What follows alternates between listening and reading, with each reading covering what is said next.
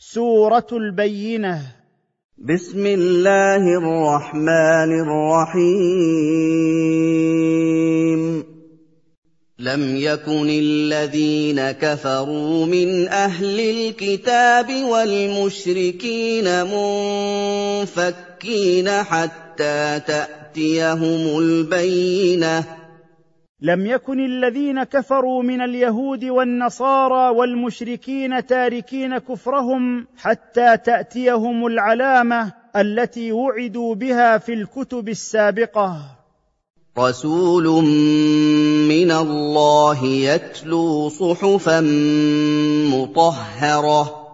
وهي رسول الله محمد صلى الله عليه وسلم يتلو قرانا في صحف مطهرة. فيها كتب قيمة. في تلك الصحف أخبار صادقة وأوامر عادلة تهدي إلى الحق وإلى صراط مستقيم. وما تفرق الذين أوتوا الكتاب إلا من بعد ما جاءتهم البينة. وما اختلف الذين أوتوا الكتاب من اليهود والنصارى في كون محمد صلى الله عليه وسلم رسولا حقا لما يجدونه من نعته في كتابهم إلا من بعد ما تبينوا أنه النبي الذي وعدوا به في التوراة والإنجيل فكانوا مجتمعين على صحة نبوته فلما بعث تفرقوا فمنهم من آمن به ومنهم من جحد نبوته بغيا وحسدا. وما امروا الا ليعبدوا الله مخلصين له الدين حنفاء ويقيموا الصلاه ويؤتوا الزكاه. وذلك دين القيمه.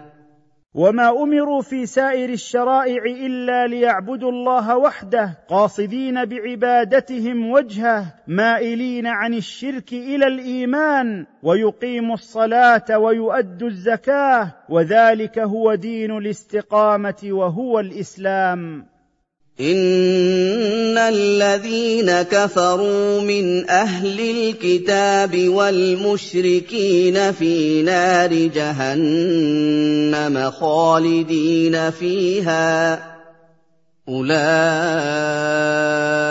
هم شر البريه ان الذين كفروا من اليهود والنصارى والمشركين عقابهم نار جهنم خالدين فيها أولئك هم أشد الخليقة شرا. إن الذين آمنوا وعملوا الصالحات أولئك هم خير البرية. إن الذين صدقوا الله واتبعوا رسوله وعملوا الصالحات أولئك هم خير الخلق.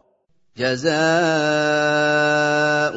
عند ربهم جنات عدن تجري من تحتها الأنهار خالدين فيها أبدا خالدين فيها أبدا. رضي الله عنهم ورضوا عنه. ذلك لمن خشي ربه. جزاؤهم عند ربهم يوم القيامة جنات إقامة واستقرار في منتهى الحسن تجري من تحت قصورها وأشجارها الأنهار خالدين فيها أبدا.